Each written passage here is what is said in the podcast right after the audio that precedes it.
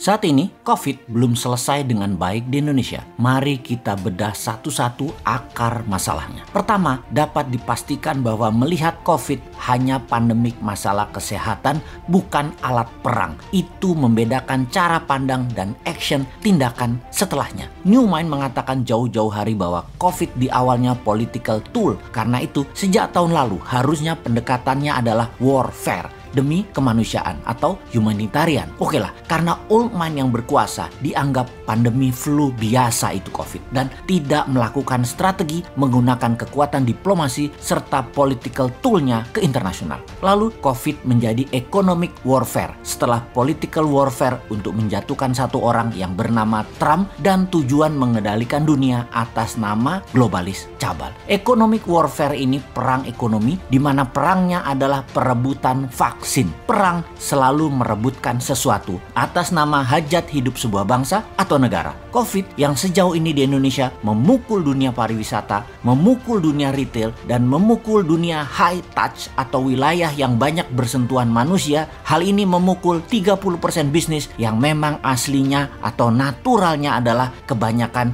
berinteraksi fisik. Dunia oleh COVID dipaksa menggunakan gadget di dalam berinteraksi. Terlambat melakukan hal ini, bisnis Anda kolaps. Bahkan sebuah pemerintahan bisa kolaps. Kepada masyarakat yang awam, kita ingatkan COVID adalah war tool, alat perang globalis cabal. Globalis ini adalah non-state actor non-state actor adalah sebuah tindakan yang berdampak negatif yang bertujuan untuk keuntungan ekonomi bagi pelakunya. Saat ini globalis cabal yang disebut non-state actor tersebut. Dan tujuannya sekali lagi, kendali kekuasaan di banyak wilayah. Lalu siapa kaki tangan agen globalis di Indonesia? Ini yang terjadi saat ini yang pimpinan puncak pemerintahnya tidak melihat karena dia adalah orang baik-baik yang polos yang sudah diingatkan ratusan kali bahwa orang di sekelilingnya yang menjalankan tugas pemerintahan itu tidak kompeten untuk zaman perang ekonomi kemarin dan perang biologi sekarang. Sementara banyak putra bangsa yang lebih baik tidak dipakai.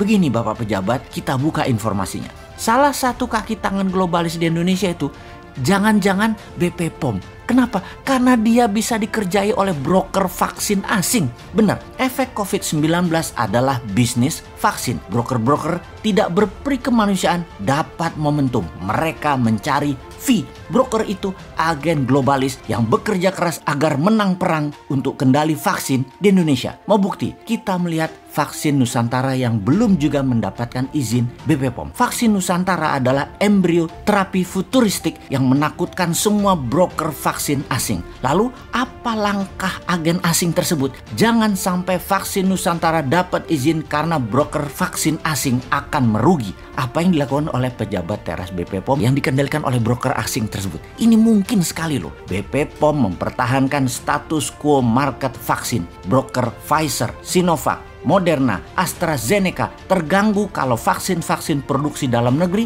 dapat izin. Di arena bisnis, it's survival of the fittest. Vaksin Nusantara akan mati bila tidak tahan dengan serangan para broker vaksin agen globalis kalau tidak didukung BPOM.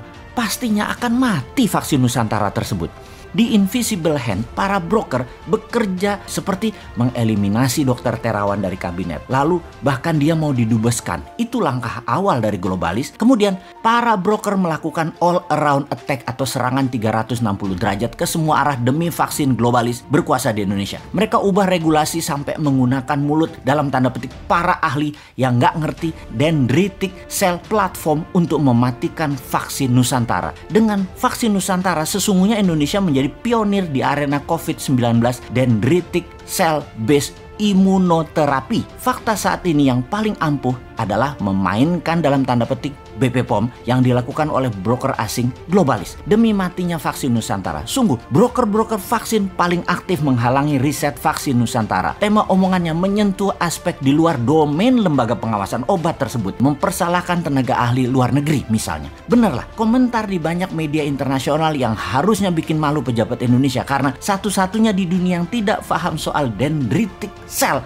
hanya BP POM Publik saat ini confirm melihat BP POM berfungsi sebagai perpanjangan tangan broker yang menguasai pasar vaksin dan herannya kok didiamkan perilaku membela asing ini. Jadi semoga difahami bila hashtag bubarkan BP POM marah kemarin di platform media sosial.